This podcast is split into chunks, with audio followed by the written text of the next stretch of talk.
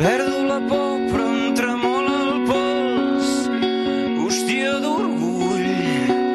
M'aixeco i no puc, un bon trau just al mig del cervell. El suplement de Catalunya Ràdio presenta Ull per ull perdent i saps si tots som ex. La pandèmia sense llar. Un reportatge a peu de carrer. Amb Roger Escapa. Cau un guspires, plou però no et mulles, se no et calço pluig. Déu fent virolles, qui no plora no mama ni veu. Des de fa més de dos mesos, sortir al carrer s'ha convertit en una mena de privilegi. Hem entès que, en part, exercir la llibertat és poder moure't per on vulguis i quan vulguis. Això sí, assumint la responsabilitat de no perjudicar els altres. A Barcelona hi ha 4.200 persones que no tenen dret a aquesta llibertat perquè no tenen llar.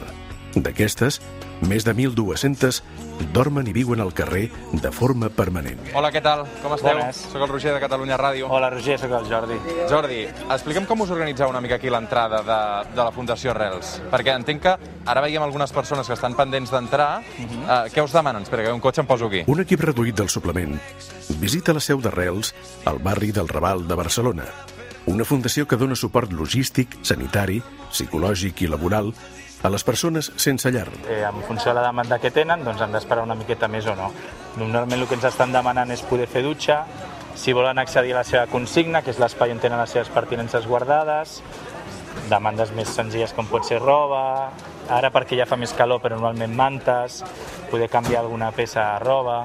La Fundació Rels entenc que no ha tancat amb tota la pandèmia, no? No hem tancat. Sí que hem hagut d'adaptar-nos a la nova dinàmica perquè normalment a nivell d'aforament teníem unes 200, 250 persones diàries i ara per un tema de seguretat, de distanciament, intentar garantir que, que les mesures d'evitar contagis doncs, estem doncs, amb serveis mínims. Diguem. Han canviat les necessitats també de, dels usuaris de la Fundació Rels durant aquesta pandèmia? Ah, sobretot els primers 20 dies, perquè va haver sobretot tots els recursos que hi ha a la zona van tancar i a nivell d'alimentació va ser una demanda que normalment nosaltres no tenim i, i persones que atenem o persones que van passant pel carrer cercant informació sobre recursos sí que ens va, se'ns va obrir aquesta alerta no? de, hòstia, sembla que durant aquest període doncs, menjadors socials també perquè han tingut algun contagi i han hagut de tancar per un tema preventiu i llavors és de les coses que més ens va sobtar perquè normalment no és una demanda tan constant.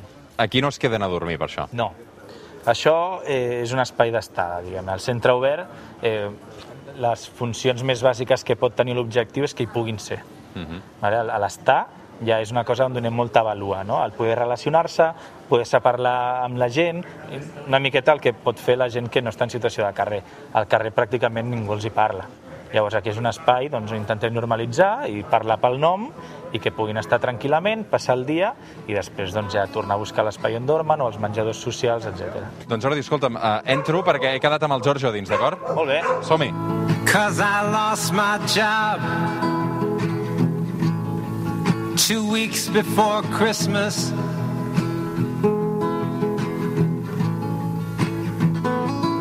And I talked to Jesus at the sewer. And the Pope said it was none of his goddamn business. Entre tots els usuaris que cada dia visiten aquest local del Raval, hi ha en Giorgio. És d'origen italià, té 50 anys i en fa 6 que viu al carrer. Giorgio, com estàs? Más o menos, dai, andando. Com és que vas venir aquí? Beh, l'amor por Barcelona è del 1994. Empecé a llegar como turista y después, cuando en el 2015 cambió un poquito mi vida, decidí de llegar aquí. Eh, tenía un piso, tenía trabajo siempre sin contrato. Y después se acabó la pasta y se acabó también anche el piso. E por la prima vez en mi vida eh, fui per la calle e ho scoperto un mondo differente, che però esiste. Recordes la primera nit que vas dormir al carrer? Sí, stavo cerca della Sagrada Famiglia. E después incontrai un grupo de chicos de México y fuimos en una ocupa a Caldetas. Y de la primera vez que yo no sabía que existía una ocupa. y tenemos un pacto por la primera vez en mi vida con el dueño y después de siete, ocho meses el dueño vendió el piso y noi, come da pacto, tornem al carrer. Com descriuries viure al carrer? Stanno per mi dos modi di vivere al carrer. Per necessità o la magari è perché usano sostanze o tengono problemi con alcol e stanno due diciamo, direzioni differenti. Què t'ofereixen aquí? Beh, la necessità primarias, que puede ser eh, ducharte, algo que necesita medicamentos, ma la cosa más importante para mí es que están personas que te escuchan. Ara on vius? En un piso eh, que nos donó una, un señor del de, de hospital por un tiempo, hasta que no, no hacen papel por, por vender o algo. Cuando empezó la crisis del coronavirus nos dejó entrar en ese piso. El confinamiento eh, no è stato duro come estar por la calle, perché in un piso è differente. Non, era un piso in obra, però stava agua, potevo ricaricare il mobile. Eh, è differente, perché quando duermes in un piso, duermes. Por la calle è molto difficile, è complicato. porque está mucha violencia la noche. Que están grupos que por un euro o por un móvil de cinco pavos te pegan, te... ese es el problema mayor. Hurtos, eh, robar a una persona que está por la calle è una locura perché che rubas? Un mòbil che vale 5 pavos, una camiseta o... M'han dit que tens un company inseparable, que és el teu gos, no? Claro, mi niña, è mi famiglia. Está, l'ho incontrata a Barcelona, cerca del Parco de la Cittadella, tenía un mes, ahora tiene tres años y vivimos juntos, in simbiosi, non so come.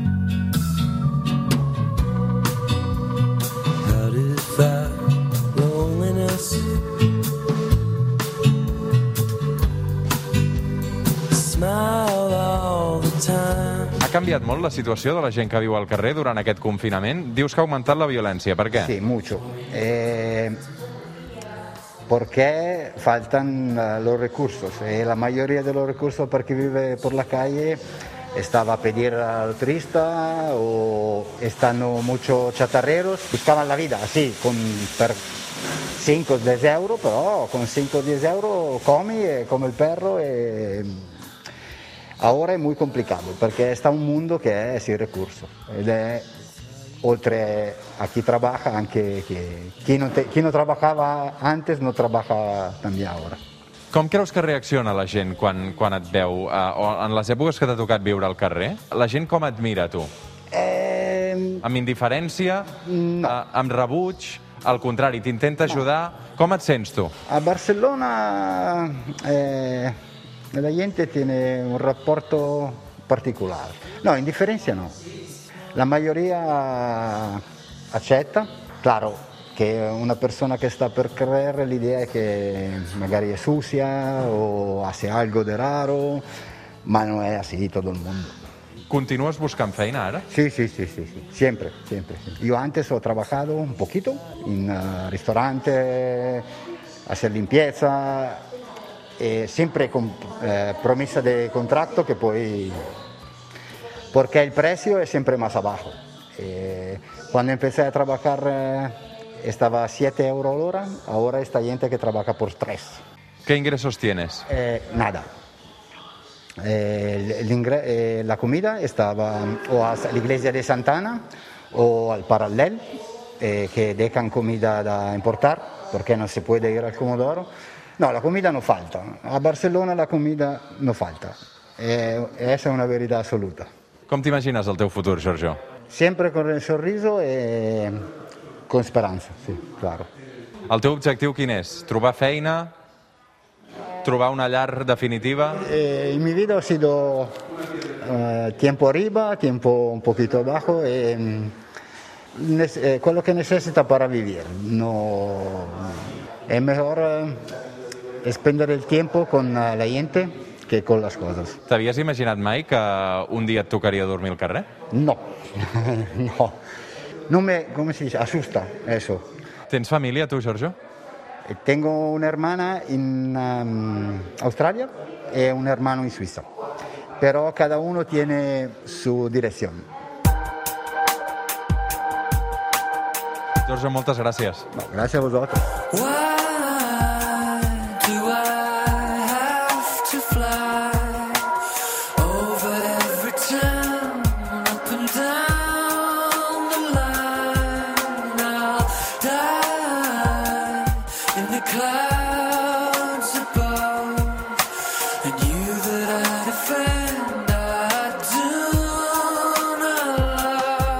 En Giorgio és una de les 2.600 persones que Arrels Fundació atén cada any a Barcelona.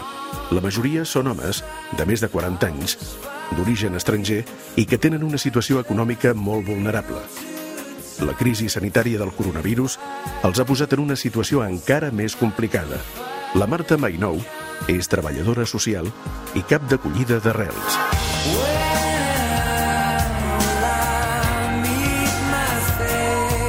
Marta, com estàs? Bé, bon dia. Si haguéssim de fer un retrat eh, de les persones que es troben sense llar a Barcelona, quin seria? Bé, el retrat bàsic, que bueno, nosaltres sempre diem cada persona volem tractar-les de forma individual, val? perquè cada persona té la seva història, la seva situació, però sí que de forma general una mica la, la foto, no? Són, la majoria són homes, eh, entre 40 i 50 anys, eh, i sí que un 60% de, són de procedència estrangera. No? I dins d'aquest perfil tan, tan, tan bàsic, eh, després ens trobem moltes situacions diferents, gent que porta dies al carrer, gent que porta molts anys. No? I d'alguna manera sí que nosaltres sobretot volem apropar-nos i crear vincle, que no és fàcil perquè genera una desconfiança no? en general amb les persones.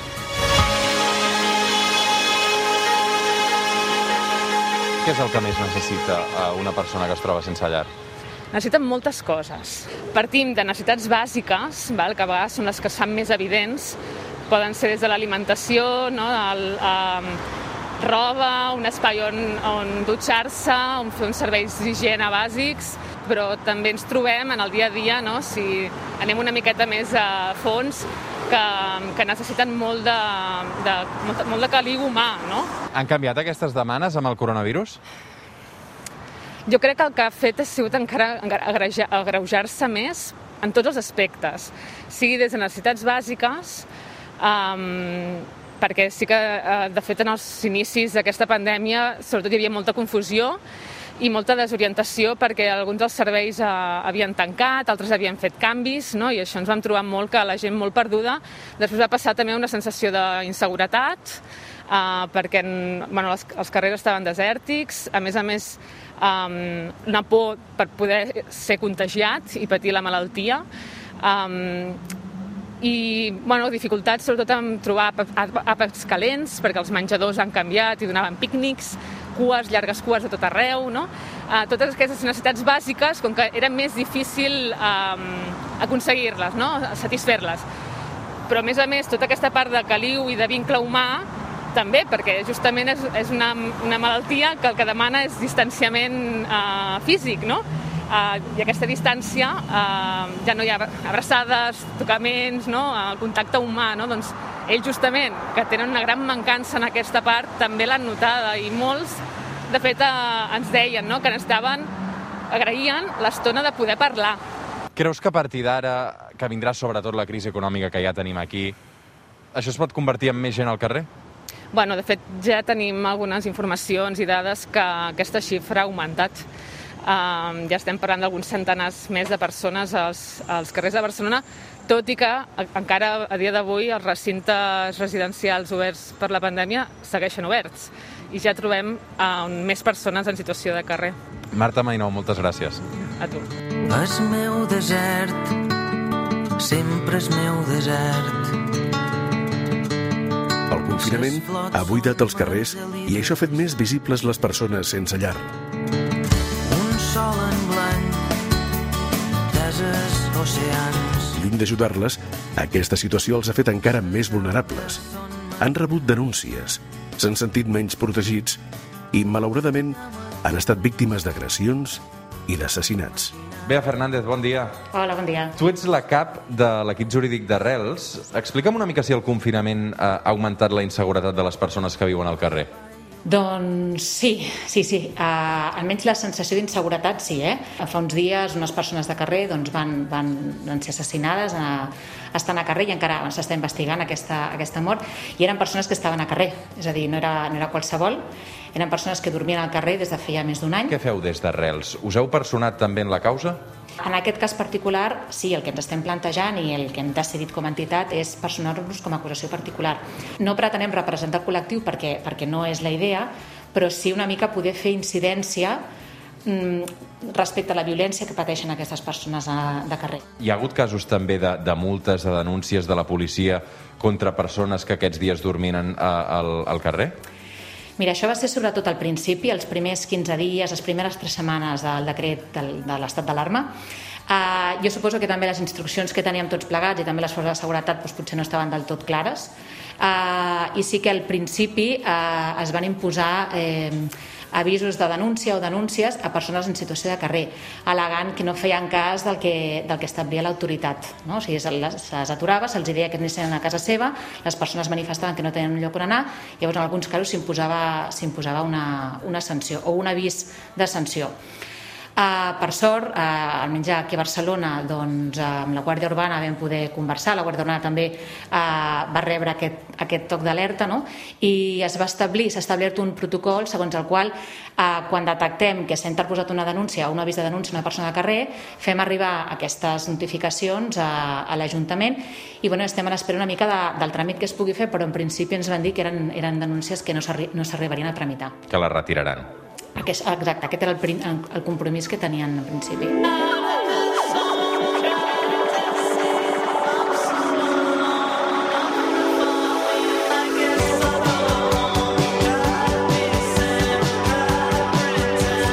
Recordo que al principi l'Ajuntament de Barcelona va habilitar un pavelló per acollir persones sense llar amb quines situacions es trobaven la gent que anava en aquest pavelló? Perquè eh, crec que moltes persones sense llar van declinar la proposta d'anar-hi, no? Hi ha persones que sabem que hi han anat i estan, és a dir, una de les condicions que tenien aquests equipaments i que segueixen tenint és que un cop hi entres eh, et confines, és a dir, no pots sortir, o sigui, sí que tenen, si no m'equivoco, tenen un espai habilitat doncs, per fumar o per sortir una mica, però no pots sortir a carrer i tornar, és a dir, si deixes l'equipament doncs no pots tornar.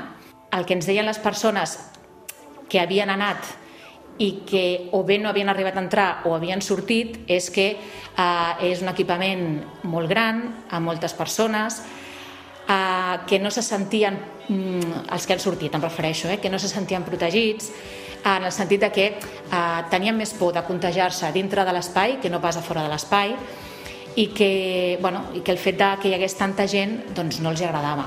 Moltes d'aquestes persones que tenem són persones que estan acostumades a estar soles en el carrer o en grups petits, clar, estem parlant d'un pavelló amb moltes places, on de sobte has de conviure doncs, amb més de 100 o 200 persones. Llavors, clar, hi ha gent de carrer que ens deia que no, no, que s'estimaven més estar a carrer. Bea Fernández, moltes gràcies. De res, a vosaltres. Canviem de localització. En aquesta terra hi muntarem un paradís. En aquesta vida hi he vingut a ser feliç, a ser feliç. Abandonem el Raval i enfilem fins a una de les cruïlles més transitades de Barcelona, Gran Via amb Passeig de Gràcia. A banda i banda, botigues de luxe amb productes només aptes per a poques butxaques. A les voreres, sense poder-hi entrar, diverses persones que viuen al carrer. Miren Fernández, com estàs? Molt bé, gràcies. Quant temps fa que ets voluntària, tu? Bueno, jo vaig començar a Arrels aquest setembre. O sigui, vaig començar a Arrels al centre aquest setembre, però això que fem al carrer és només de, durant l'estat d'alarma. Què fas durant aquests dies de, de l'estat d'alarma d'excepcional que no fèieu abans? Bueno, eh, uns dies a la setmana surto i portem menjar i coses que necessiten a la gent que, que viu al carrer. Ha canviat molt la seva situació aquests dies? La veritat és que sí, perquè eh, ells anaven molt a llocs on donaven de menjar, on es podien dutxar, però ara amb el, amb les eh, mesures de seguretat i tot, eh, ha tancat, han tancat moltes coses, llavors ara no tenen on, a on anar, llavors eh, estan molt desesperats. És fàcil relacionar-se amb aquesta gent, que suposo que ja de per si deu ser desconfiada, no? Bueno, és veritat que ha canviat molt perquè al principi no ens coneixíem i llavors era com més complicat, no sabien qui érem, però ara ja ens veuen i potser ens criden ells i, i això ha canviat. Però també hi ha molta gent que coneix arrels ja de per si, llavors ja saben, si, si diem que som d'arrels ja, ja confien. És una paradoxa perquè som en un dels carrers més pijos de Barcelona, si m'ho deixes dir així, no? Sí. O amb les botigues més cares, i també és un dels llocs on, on hi ha més gent doncs, eh, vivint al carrer com pot, sobrevivint, no? Sí, sí, és molt fort el contrast. És algo molt fort i jo crec que, que, no, que no es pot eh, acceptar. És una paradoxa, no?, perquè eh, durant aquesta crisi ens demanaven que ens quedéssim a casa, eh, tota la població tancada a casa, però clar, hi ha gent que no té casa. Clar, clar, clar, això ha sigut un problema molt gran. Aquesta gent que ara anirem a veure i que tu coneixes o que tu ja et coneixen, on dormen? És a dir, una cosa és dormir al carrer, però on és dormir al carrer? Dormir al carrer és dormir en un banc, eh, és dormir en un caixer? Hi ha de tot. Els caixers ara han tancat, hi ha, hi ha molta gent que ha viscut en, un, en el seu caixer 15 anys, imagina't, i ara de sobte ja no tenen on, on, el, el seu lloc de, d'habitatge, no sé, per dir-ho d'alguna manera, però sí dormen al, a, a, a llocs diferents, a la terra, a un banc... Tu per què vas decidir fer-te voluntària, Miren? No sé, jo, jo em sento molt afortunada i tinc molta sort, llavors penso que una manera d'agrair això és pues, aprofitar el, la meva sort per ajudar altres. Què t'aporta fer de voluntària, tu? Ara jo veig a la gent que viu al carrer molt diferent. Abans em feia cosa poder parlar-los, pensava que els hi molestaria, però ara veig que, que, joder, que, que són com qualsevol altra persona, que, que, que necessiten parlar, que, que necessiten sentir-se, no sé, estimats. estimats, sí, no sé. És algo per mi molt fàcil de fer i al mateix temps em dona molt i jo suposo que, i espero que a ells també, no sé. Caminem una mica per Barcelona i a veure si em presentes alguna d'aquestes persones. Vale, perfecte. White lips, pale face, breathing in snowflakes, burnt lungs, sour taste. És dimecres a mitja tarda. A mida que caminem amb els voluntaris d'arrels, ens anem trobant més i més gent que viu al carrer. Alguns són usuaris habituals d'arrels. D'altres prefereixen buscar-se la vida ells mateixos. ¿Ha sido más duro estar aquí estos dos últimos meses? Problemas. No hay duchas. No hay, no hay comida caliente. Uh, cambio en ropa. Es imposible. Hay no lavabos. Tú puedes comprar un café, pero después, el lavabo aquí es horrible. Barcelona estaba vacía, no había nadie. Well, me gusta, es así. ¿Cuántos yeah. años llevas en la calle? Uh, siete años. Diez años en Barcelona, siete en la calle. ¿De dónde eres tú? Nací en Inglaterra, pero 50 años en Australia. Yo soy catalán. Tu ets catalana? Sí, un mes en cárcel gracias al rey. Yo soy catalán. no tengo 120 euros para pagar un multa, un mes en cárcel. ¿Y, y, ¿Y tus compañeros? Sí, amigos. ¿Siempre estáis juntos? Depende, no, no es familia. ¿Te daba miedo a ti um, Yo, coger no. el virus? No, no. Es inmunidad natural. O sea, el problema es que la sociedad es muy enfermo. No. ¿De dónde consigues la comida estos días? Cuando yo tengo dinero, yo compro. No caridad. Pero esa es la gente de Arrels. Um, hay gente, una chica aquí, cocina en su... ¿La gente de Arrels te ayuda? Sí, buena gente. ¿Dónde dormís estos días? Nosotros, otro lado, el Museo de uh, Cataluña. ¿Y estás tranquila ahí? ¿Puedes descansar? Oh, sí. Es mejor ahora sin el turista. ¡Me han robado! ¡Me han robado! Siempre. Siempre igual, ¿no? Sí. Ahora estás más tranquila sin turistas. Ah, sí. Sí, sí. Oh, super. Ese es... ¿La policía ha venido a verte estos días? ¿Te han multado por dormir, uh, por estar en la calle? Uh, Porque... Dos cuerpos. Mozos no pasa nada. Urbana. Ah, pollos. ¿Ah, sí? Yeah, sí. ¿Por qué? Uh, es abuso de poder.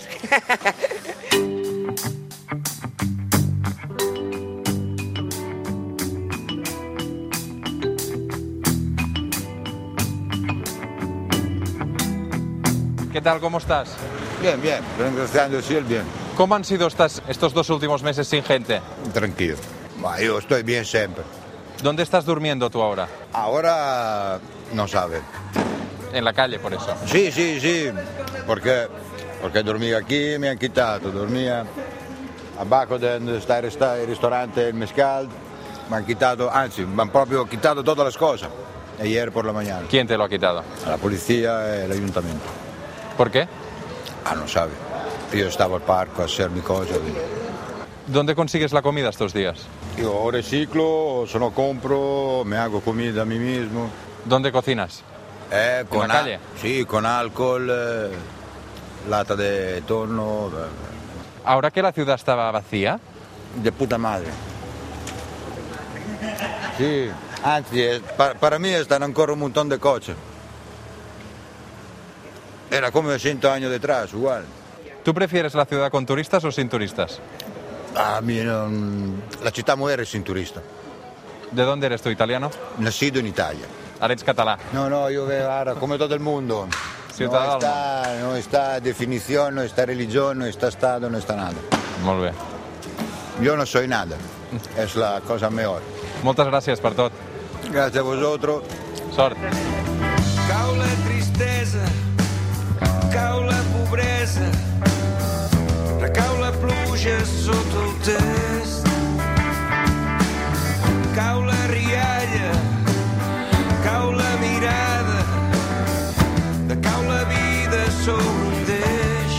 Virus ens ha canviat la vida. Les rutines, la manera de relacionar-nos amb la gent que estimem... Per protegir-nos ens han demanat que ens tanquem a casa, però molt pocs han pensat en aquells que no en tenen de casa. Ciutats buides, durant setmanes només ocupades per aquells que sempre han estat invisibles. Després de passejar per Barcelona, acompanyant l'equip de voluntaris de la Fundació Rels, torno a casa. I al cotxe penso en una frase que m'ha dit el Giorgio, l'italià que les ha vist de tots colors i que ha acabat sobrevivint als carrers de la capital catalana.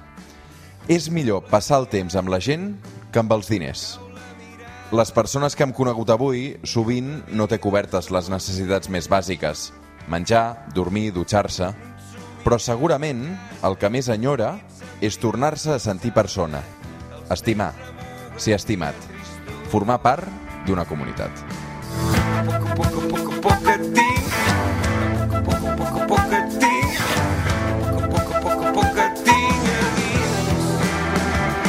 A Catalunya Ràdio, la pandèmia sense llar. Un reportatge del suplement amb Roger Escapa.